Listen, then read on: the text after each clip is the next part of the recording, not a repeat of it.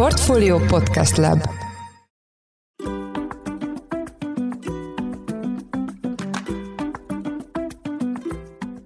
Mindenkit üdvözlünk, ez a Portfolio Business Podcast új adása, én Szász Péter vagyok. Az elmúlt években több olyan kezdeményezés is indult a startup ökoszisztémákkal összefüggésben, amelyek túlmutatnak egy pénzügyi injekción. Ez edukációt, mentorálást jelent, és a vállalkozók teljesítménye került a fókuszba. Erről fogok beszélgetni három meghívott vendégünkkel, Kozma Andreával, a Start Holding társalapítójával és portfólió igazgatójával, aki a CEU vendégoktatója is egyben. Szia! Deliaga Ákossal, a Tóköba társalapítójával és CEU CEO-jával, a Startup Hungary kuratóriumi tagjával, Sziasztok! és Kövesdi Gáborral, a Branch alapítójával. Sziasztok! Az első kérésem, hogy néhány alapfogalmat tisztázzunk. Milyen egy sikeres startup életútja, és milyen finanszírozási formák vannak? Hát a startup életút az alapvetően az ötletnél indul, amikor egy startup elkezd egy ötleten dolgozni, és első lépésben azt validáljuk, hogy ez az ötlet valóban meg tudná élni a piacon. Amikor egy startup eljut arra a, a szintre, amikor ezt a fajta úgynevezett product market fitet meg tudja lépni, amikor kiderül, hogy erre van vevő, és szükséges a finanszírozás, akkor számtalan formája van, és az életúton keresztül különböző finanszírozási formákhoz fordulhat. Az első az a három F, amit szoktunk mondani, ez a Family, Friends and Fools, amikor az ember egyrészt a saját zsebébe nyúl,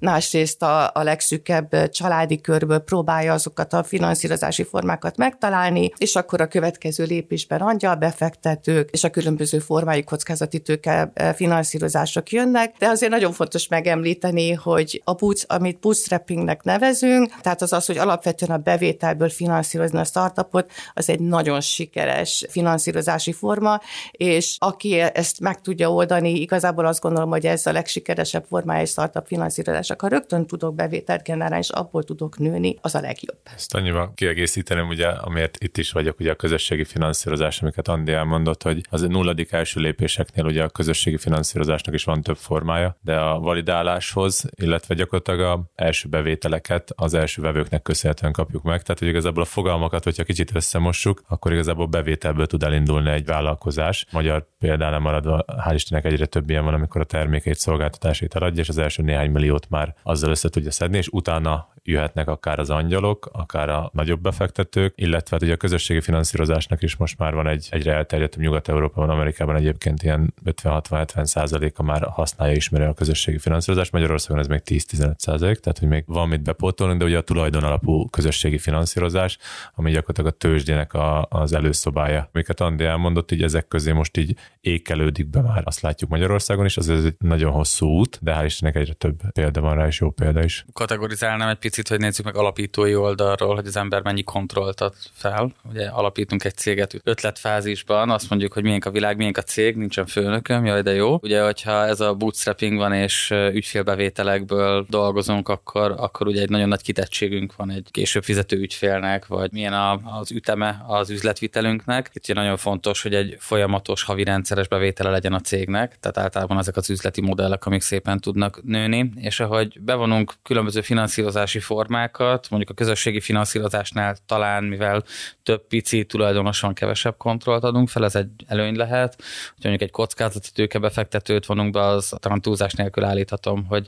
mint egy főnök úgy fog viselkedni, tehát nagyon komoly pénzügyi jelentéseket kell adni, mérföldköveket kell elérni, tehát ott, ott sokkal feszítettebb módon kell vinni utána a, az üzletet. Nem is beszélve arról, hogy ez az egész tőkebevonás mennyi energiát von el az alapüzlettől. Tehát ugye itt van egy ötlet, van egy vízió, általában egy nagyon erős akarat, hogy ezt a víziót megvalósítsuk, és ebben a, a tőkebevonás az hát kivétel nélkül gyakorlatilag fókuszt viszel, és nagyon-nagyon sok energia az alapítók részéről, hogy ezt is fel kell mérni, hogy tényleg mondjuk ahhoz képest, hogy, hogy nem vonok be, és csak az üzletre koncentrálok, mi az egyensúly, és ez persze függ az adott iparáktól, meg, meg az adott helyzettől, finanszírozási környezettől is. Igen, én azt hiszem nagyon fontos azt végigjátszani a fejben minden alapítónak, hogy miért és mire vonok be tőkét, és csak azért, mert be tudok vonni, nem érdemes tőkét bevonni, hanem nagyon konkrét célok vannak, és hogyha ezt nem tudom bevételből finanszírozni, és hogy milyen fázisban tudom-e, hogy mi az én reális cégértéke, mert a korai fázis finanszírozásnak az egyik nagy kérdése az az, hogy igazán meg tudom-e állapítani azt, hogy mennyit ér ez a cég, és mennyit adok fel egy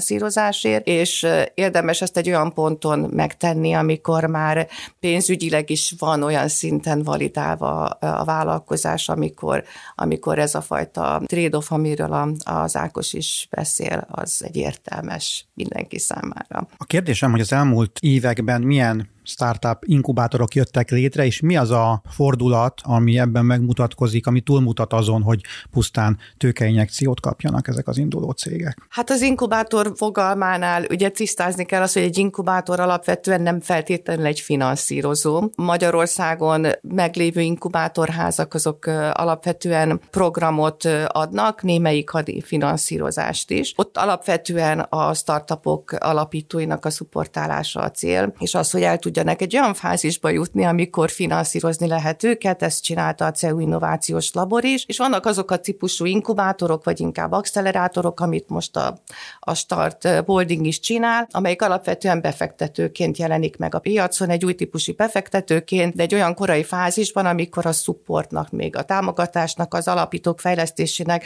rendkívül fontos szerepe van ezen a szinten, ez igazából egy emberi erőforrás és támogatás üzletág, itt ezen van a fókusz, és azért tesszük mellé az oktatási és inkubációs programot, hogy azok a befektetéseink, amiket egy nagyon korai fázisban teszünk, azok jól tudjanak teljesíteni. Ez egy előszűrő is, tehát lehet látni az elején már ebben a fázisban, hogy valami sikeresebb lehet, vagy pedig pont kompetencia és humán erőforrás hiány ez elhal majd? Igen, ez nagyon hamar kiderül egyébként. Nyilván még a befektetés előtt szűrni kell, és ezért nagyon szerencsés, hogy egy olyan hétfős csapat irányítja a startot, akiknek nagyon komoly vállalkozói tapasztalata, befektetői tapasztalata van. Egyrészt ezt a tudás és ezt a tapasztalatot használjuk, másrészt pedig az inkubációs programnak az összetétele és a struktúrája is úgy lesz kialakítva, hogy ezek kiderüljenek a program során. Gábortól kérdezem, hogy a branch brancs tőkegyűjtése hogy áll jelenleg? A tőkeparton indítottunk szintén egy közösségi finanszírozású, tulajdonalapú közösségi finanszírozású gyűjtést. Most ilyen 50% környéken állunk, még van bő egy hetünk, hogy összejön a kitűzött 90 milliós cél, mert több mint 100 befektetőnk van, tehát maga az az üzenet, ugye nekünk dupla célunk van a közösségi finanszírozással, a tőkegyűjtésen túl. Nagyon fontos az, hogy minél több embert bevonjunk, és tényleg egy közösség legyünk, mert ugye a branch is egy olyan portál, ahol vállalkozások indulnak el, és azt nyilván a közösség, a vevő közösség, a vásárló közösség tudja validálni. Tehát, hogy mi befektetői, vállalkozói és vásárlói közösséget is építünk, tehát hogy nekünk a közösségi finanszírozás azért is volt cél, hogy minél több potenciális vásárló, minél több potenciális vállalkozó terelő legyen körülöttünk. Tehát egyrészt ennek a száz befektetőnek nagyon örülünk, másrészt meglátjuk, hogy jövő hétre összejön a száz százalék. Ugye a közösségi finanszírozásnak van egy ilyen dinamikája, hogy az elején a, a nagyon érdeklődők gyorsan beszállnak, ez ilyen 60-70 ember volt, és akkor utána, utána van egy ilyen hosszú vére verejtékkel összeszedett eh, néhány tíz vásárló, és akkor az utolsó héten meg, amikor hú, már látom, hogy, hogy, hogy biztos sikerül, biztos nem sikerül, akkor döntöm el, hogy akkor tényleg beszállok. Még van 150 regisztráltunk egyébként, tehát azt látjuk, hogy izgalmas lesz az utolsó hét, de bízunk benne, hogy, hogy, hogy átfordulunk a 100% felé. Ákos, te látsz valamiféle fordulatot a finanszírozásban és a mentorálásban az elmúlt éveket tekintve? Látok is én ennek, őszintén szóval nagyon örülök. Öt évvel ezelőtt talán volt az egész ökoszisztéma körül egy nagy eh, hype, egy, egy nagyon nagy energia, ezt felismerték a nagyobb cégek, ilyen multicégek, meg nagyobb állami cégek, és PR büdzsékből elkezdtek finanszírozni startup inkubátorokat. Én erre rendszeresen meg szoktam ragadni az alkalmat, hogy, hogy kritizáljam őket, itt ezt most is megtenném. Szerintem nem jó egyszerűen a motivációja. Tehát ezt én inkább startup simogatónak szoktam hívni, hogy egy nem használt iroda részben középvezetőkkel beszélgethetnek fiatal vállalkozók, és ezért nem egy, nem két cég, még akár tulajdonrészt is kért ezekben az ötletfázisban levő cégekből. Szerintem ez, ez nagyon káros volt, mondom, én ezt akkor is szapultam. Most a gazdasági helyzetnek köszönhetően talán ezeket a büdzséket megvágták, és ezek a amúgy fenntarthatatlan és nem megfelelő érték ajánlattal rendelkező inkubátorok megszűntek, vagy kezdenek megszűnni, és abszolút egy ilyen, egy ilyen piaci alapú, érték alapú módra áll át a piac, úgyhogy én ezt egy, egy természetes tisztulásnak veszem, és ezúton is, hogyha valaki esetleg ilyen nagy cégnél dolgozik, akkor neki üzenem, hogy tényleg ezt érték alapra át kell tenni nagyon gyorsan, hogyha esetleg pedig egy vállalkozó, ezt neki is fejben helyre kell tenni, hogy jól hangzik azt, hogy egy nagy vállalatnál esetleg egy pilotot tudok csinálni, vagy egy referencia ügyfelet szerzek, vagy egy időre irodateret adnak, de de ettől nem lesz fenntartható, és nem fog igazán elindulni a vállalkozás. Ezt szerintem azért észben kell tartani. Úgyhogy van egy, van egy fordulópont, és ez kicsit a válságnak is köszönhető, hogy tisztul a piac. Andrea, hozzád fordulok, van a startnak egy nagyon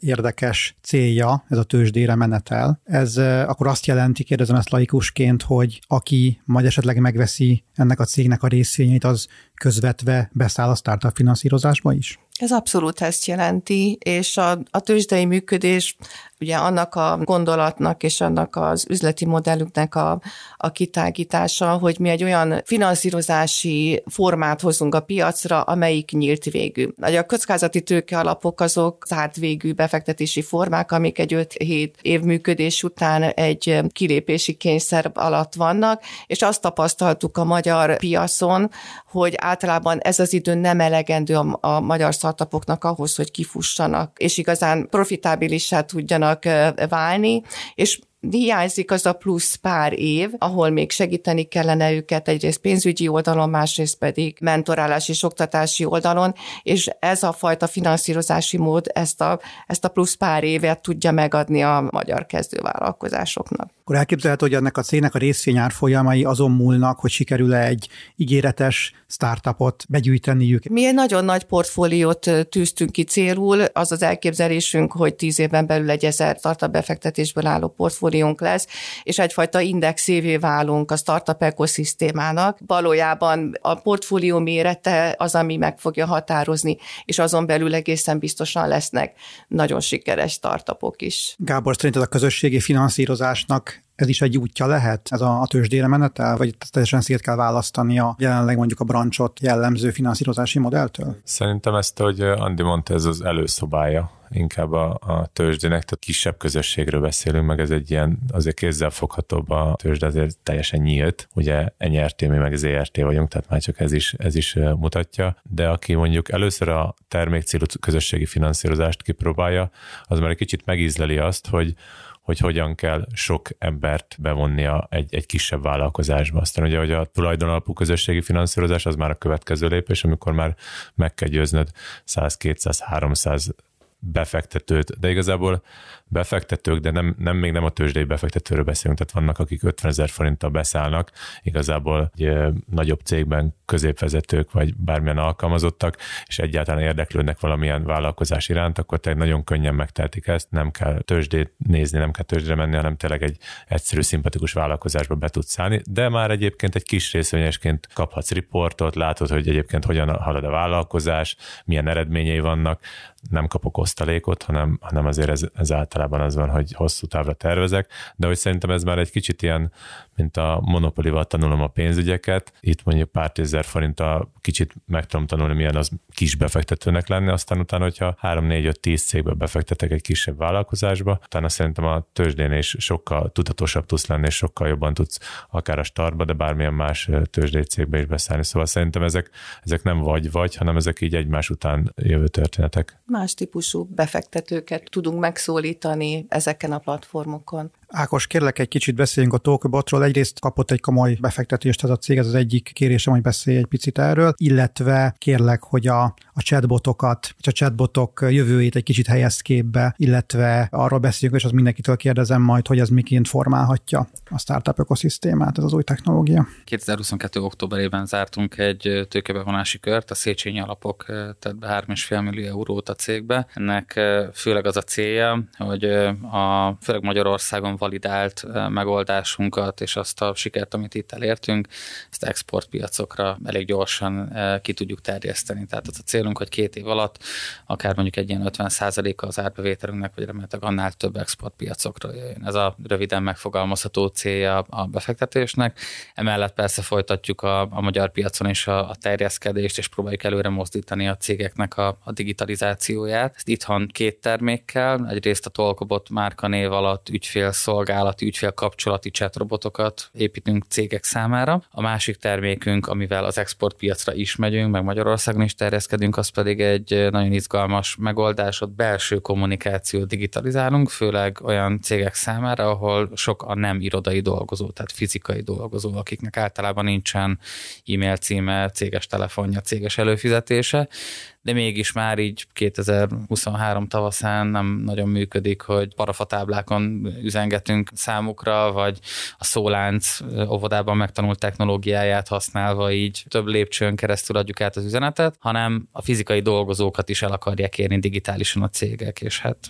minden ilyen digitalizációs megoldásnál gyakorlatilag egy nagyságrendi ugrás van a, a kommunikáció hatékonyságában, folyamatok automatizálásában. Tehát ez tényleg egy nagyon könnyen bevezet bevezethető, nagyon gyors pénzügyi megtérüléssel rendelkező eszköz, amellett, hogy, hogy még a, a céges kultúrát és a kommunikációs kultúrát is fejleszti. A befektetés szempontjából egy ilyen érdekesség, hogy én még emlékszem is a, az üzenetre a befektetési vezetőnk a Széchenyi alapoktól, a következő héten, tehát aláírtuk, utalás, és következő héten ő is küldte, már mi is láttuk, hogy nézd meg esetleg ezt a linket, és ez ugye az OpenAI ChatGPT-nek a, a release volt, ami ezt az egész piacot azt gondolom, hogy fenekestül felforgatta, és újra egy, egy ilyen hype állapotba lökte, és nem csak maga a ChatGPT, hanem ez a, ez a generatív mesterséges intelligencia e, piaca, ez, ez most egy óriási robbanásban van, gyakorlatilag hetente tucatjával lehet számolni azokat a bejelentéseket,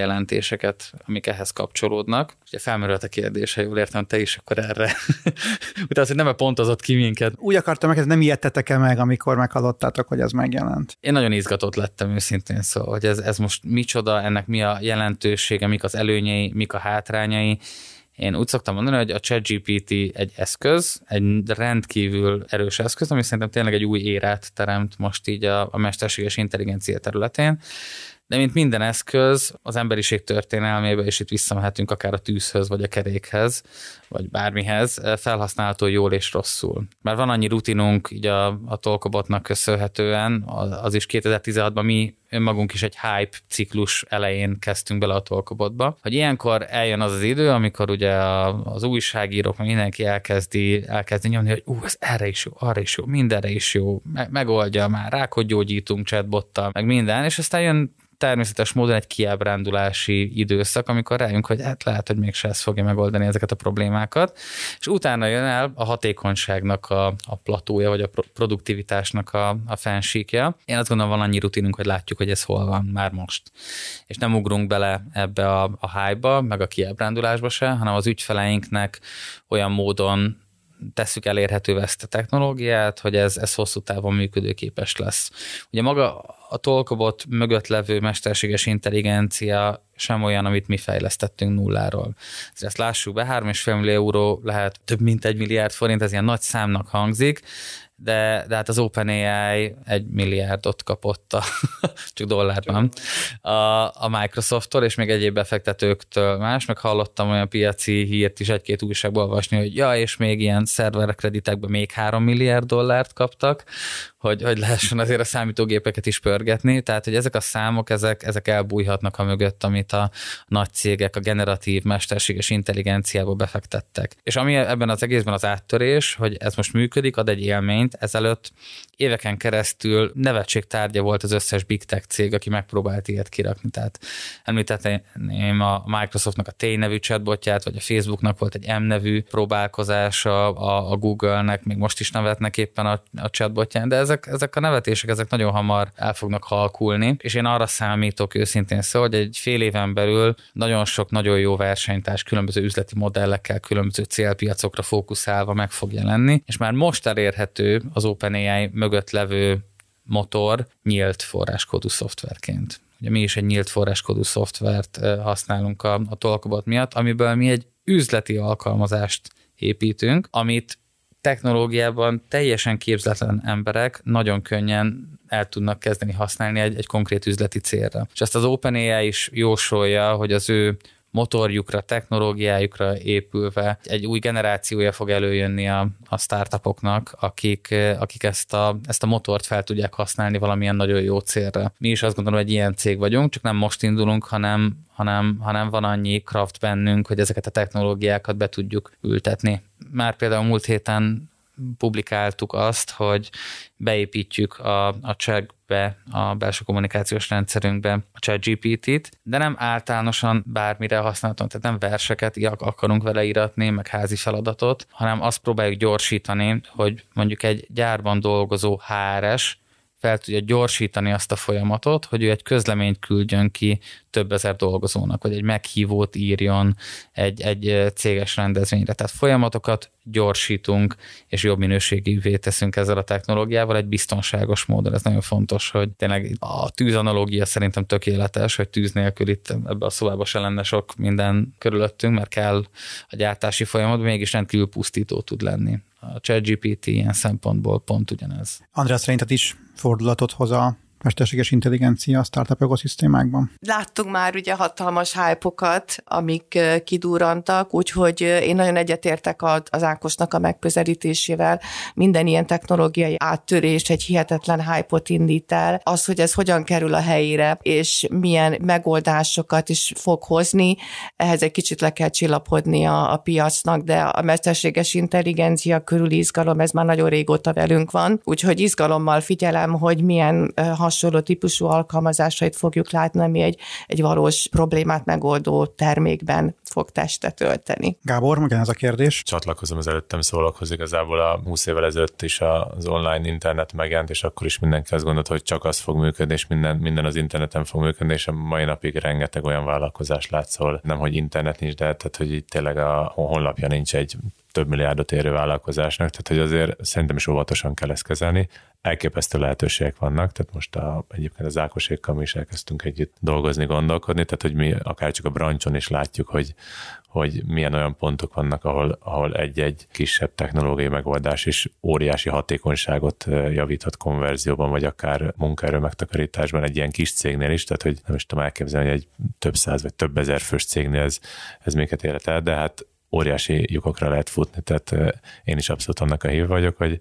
csináltunk közösségi finanszírozásból online vállalkozást, de az egy kertre épült, hogyha nem termeljük meg a zöldséget, akkor hiába van honlapunk, meg internet, meg akár majd mesterséges intelligencia, a zöldséget akkor is meg kell termelni, és azt, azt a felhőben nem lehet, hanem az kell föld, meg egyebek. A következő kérdésem szinte mindenkihez szól, általánosságban a jelenlegi válságos időszak miként hat részben a startup befektetésekre, és milyen lehetőséget hordoz magában arra, hogy esetleg még több ember gondolja azt, hogy belevág valami újba. Ez egy ilyen klasszikus dolog a, a, startupok világában, hogy amikor válságok vannak, akkor azt a vállalkozók igazából egy, egy a lehetőségek földjének tekintik, és rengeteg történet van arról, hogy hány nagy cég, hány unikorn is indult válságok időszakában, a korábbiaknál például az Airbnb, de sorolhatnánk a neveket, úgyhogy általában általában az ilyen periódusokban a startup aktivitás nagyon megnő. És azt gondolom, hogy ezt látjuk. Magyarországon egy több tényező is mozgatja ezt a történetet, ami részben a, a, a startup finanszírozásban az állam szerepének a,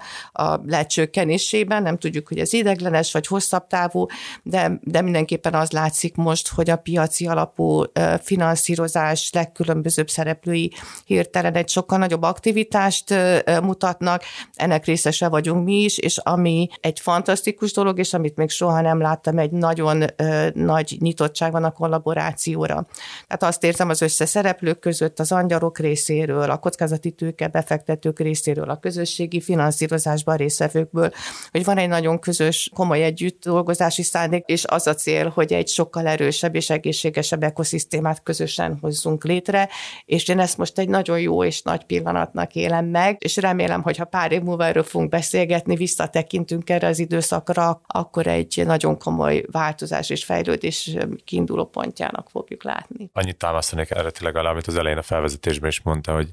hogy a válságban most a teljesítmény kerül előtérbe. Tehát az egyéb különböző nem egészséges dolgok, tehát hogy úgy jutnak vállalkozások pénzhez, akár állami pénzhez, hogy nem feltétlenül van mögötte teljesítmény, vagy azok a gyengébbek úgymond kihullanak, akiknek nincs annyi kitartásuk, hogy a nehezebb helyzetben is menjenek tovább. Így biztos, hogy tisztulni fog. Tehát nekem van egy szinten az Andit kiegészítve, amiket elmondott, teljesen egyetértek. Tehát az összefogás az egy nagyon fontos dolog, hogy piaci alapú összefogás. Tehát nem feltétlen, nyilván érdek az mindig, mindig van a végén, de hogy érték alapon, piaci alapon, teljesítmény alapon összefogsz, és az alapján tudsz tovább menni, akár befektetőhöz jutni, akár közösségi finanszírozáshoz jutni, akár a technológiákat használni, hogy az fogja eldönteni, hogy, hogy mit tudsz te, mint csapat ember, vállalkozó letenni az asztalra, akár vagy befektető, angyal befektető a másik oldalon, akár maga a termék, a projekt, hogy az tényleg működik el, tényleg van erre piac, tényleg lehet validálni, és tényleg lehet tovább növekedni Magyarországon, külföldön, akár világszinten, és ezek a torzító tényezők, ezek így a válságban nyilván hátrébb szorulnak, amiket Andi is mondott, de egyébként amit Ákos is említett az inkubátorok példáján, tehát amik, amik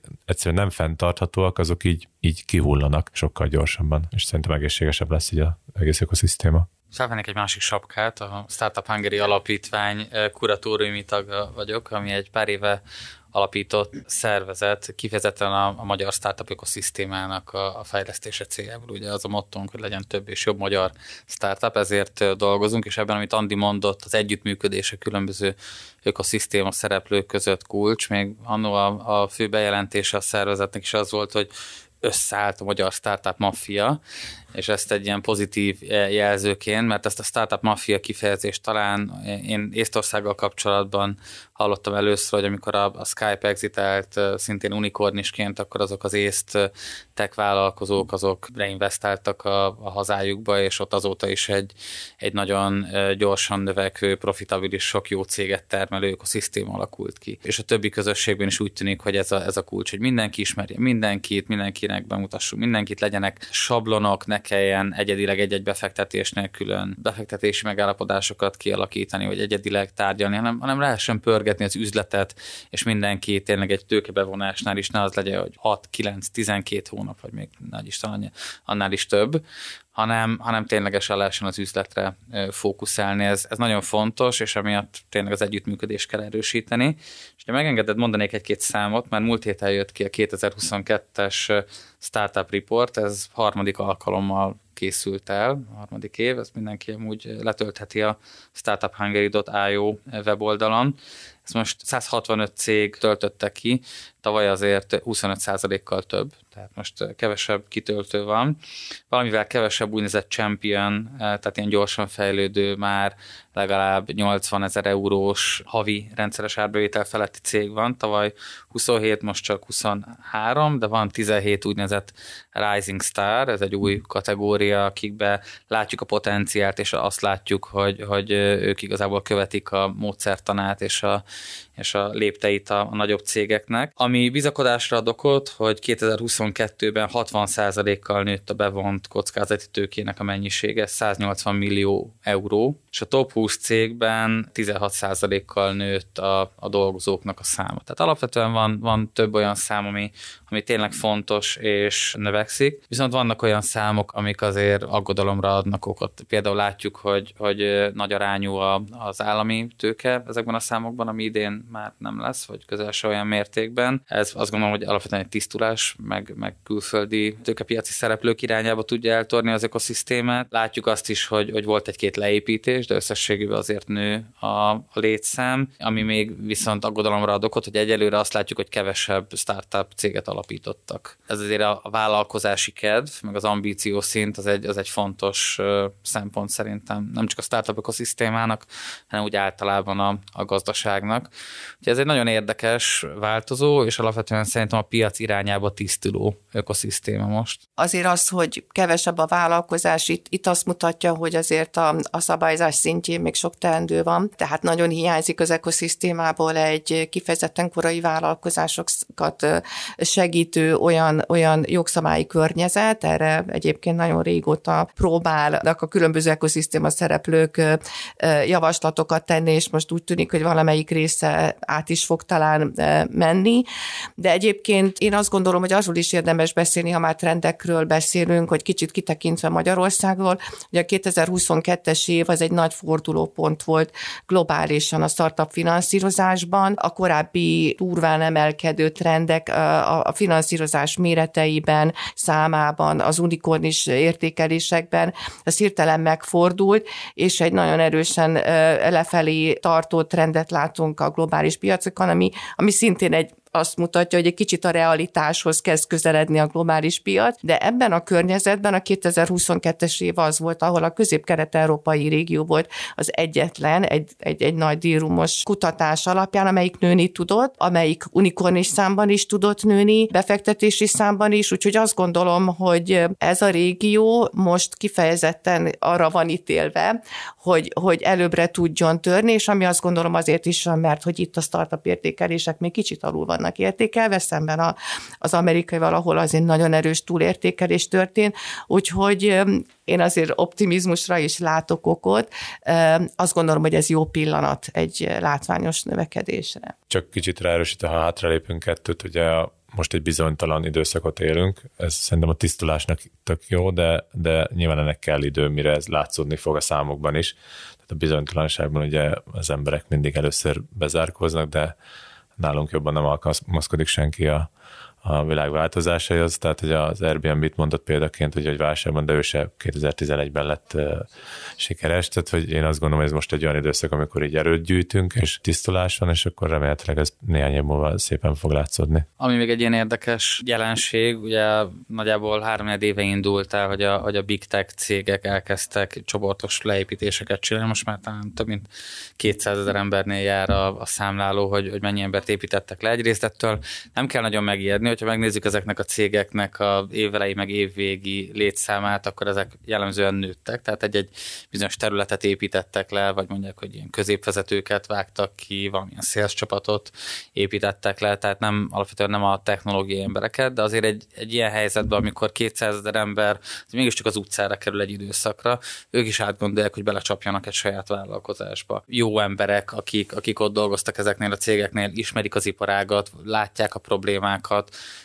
ők is általában, hogy egy részük legalább belecsap saját vállalkozásokba. Erre is volt már példa nem annyira régen, úgyhogy, úgyhogy én kíváncsi vagyok tényleg, hogy ez a, az egész válság, a változás, a gazdaság átalakulása milyen új ötleteket fog hozni. Szerintem egy nagyon izgalmas év és időszak kezdetén vagyunk. Sok érdekes változást fogunk tapasztalni, úgyhogy én, én azt gondolom, hogy az, azok, akik eddig nem figyeltek esetleg a startup ekoszisztémára, érdemes nyitott szemmel körbenézni, akár finanszírozóként, akár vállalkozóként megpróbálkozni ezen a területen. Hát így, így zárásra befektetés kapcsán még nem hozott el Warren Buffettnek a neve, aki, aki befektetőként azért egy, egy abszolút egy legenda, és neki, ha jól tudom, az az egyik befektetési alapelv, hogy megnézi, hogy a végén mit termel egy cég, és mi az a valós problémák, valós érték, amit, amit megold ez a vállalkozás. És hogyha van egy, van egy hype, ezeket a kérdéseket azért érdemes feltenni. Most nem akarok újra mutogatni, de mondjuk azért a blockchain területen azért volt nem egy, nem kettő olyan, olyan cég vagy, vagy, vagy trend, ami, be, ugye az ember nagyon elgondolkozott, hogy most akkor mit csinál, meg, meg ez hogy termel értéket, meg ez miért jó, és kinek, és mikor, és hogy lesz ebből profit, és miért. Tehát, hogyha ezekre nem nagyon találunk választ, akkor, akkor általában ezek a lufik ki fognak pukkadni. És hogyha találunk egy olyan céget, amire egy valós problémára, valós megoldást hoz, és hosszú távon látjuk benne a valós értéket, és még hiszünk az emberanyagban is körülötte, tehát a, a cég alapítóiban alapvetően, akkor, akkor azért sokkal jobb esélyünk van, hogy ott, hogy ott legyen valami profit a nap végén, és, és egy, egy valós vállalkozás. Úgyhogy próbáljunk tényleg ezeken a hype egy picit így túllátni, és meglátni, hogy mi az a fensík, ahol már a, a produktivitás van. Folyamatosan csatlakozom hozzátok, tehát hogy szerintem is nagyon izgalmas időszak jön. Itt tényleg szerintem egyre nagyobb szerepe van a piacnak, nekünk, embereknek, dolgozóknak, vállalkozóknak, és talán pont a Balog Petyának volt egy előadása, és ott szeretem a számokat, hogy kicsit legyűnyítottabbak, tehát aki most a mostani bizonytalan helyzetben ugye mindenki nézi, hogy hova fektessen, mit csináljon, mit csináljon a pénzével, mit dolgozzon, külföld, Magyarország, tehát egy ezer kérdés felmerül, és mindenki keresse meg szerintem azt, hogy mit tud hozzátenni ez az egészhez, akár egy nagy cég alkalmazottjaként, akár vállalkozóként, akár befektetőként, és kicsit így, így, nyisson, nyisson más irányba. Tehát, hogy, hogy amit az Andi is elmondott, szerintem érdemes kicsit megnézni akár az ökoszisztéma résztvevőit, akár megnézni, szerintem a podcast előtt beszélgettünk pont erről, hogy, hogy csak egy, egy, egy kisebb megtakarítás, tehát a megtakarításod 5-10 százalékával, tehát hogy ne, ne erre tett fel az állampapír, meg ingatlanok, meg a bankbetétek, meg mindenki eldönteti a saját kockázatvállalási hajlandóságát, de hogy, hogy szerintem ha mindenki egy picit hozzátesz, ugye Magyarországon talán ebben vagyunk a legjobban lemaradva a nyugathoz képest, hogy ott azért mindenki kiveszi a részét, tényleg csak a megtakarításnak az 5%-ával, olyan emberbe, olyan olyan vállalkozásba, olyan ötletbe, olyan termékbe, szolgáltatásba, ma már tényleg a közösségi finanszírozástól kezdve a tőzsdén, tehát nagyon kicsi a belépési küszöb, tehát tényleg úgy lehet egy, egy cégbe beszállni, hogy nyitsz egy, a bankszámla mellé egy értékpapírszámlát 5 perc alatt, beregisztrálsz, és 5 perc alatt online egyébként be tudsz tenni 50 ezer forintot, 100 ezer forintot, és akkor Petya mondta, hogy ha 45 cégbe fektetsz, akkor 95% a valószínűsége, hogy két és félszeres hozamot hoz. Tehát, hogy igazából 45 cégbe beteszel 50 ezer forintot, akkor már olyan, olyan hozamot nem tud semmilyen állampapír meg bankbetét, de ez csak félig viccesen mondom, tehát hogy ez tényleg ez egy nagyon komoly nemzetközi kutatásból van ez a szám, de hogy tényleg, hogyha mindenki egy kicsit nyitottabb, és egy kicsit hozzátesz bármelyik részén, ahol megtalálja saját magát, akkor, akkor az egy nagyon komoly hullámot tud elindítani. Szerintem ez elindult, nagyon sok példa van, amikről most, amiket most körbejártunk, és hogyha mindenki egy kicsit megtalálja a saját szerepét benne, akkor ez nem csak hogy elindul, hanem Magyarország, közép-európai régió, de akár világszinten is elég komoly hatást tud elérni. Köszönöm szépen az elmúlt bő 40 percben Kozma Andreával, a Start Holding társalapítójával és portfólió igazgatójával, a CEU vendégelőadójával, Deliaga Ákossal a Tóköbot társalapítójával és CEO-jával, a Startup Hungary kuratóriumi tagjával és Kövesdi Gáborral a branch alapítójával beszélgettem. Köszönöm szépen, hogy itt voltatok. Ez volt a Portfolio Business Podcast adása. A műsor elkészítésében részt vett gombkötő Emma, én pedig Száz Péter voltam. Új műsorral hamarosan jelentkezünk. Sziasztok!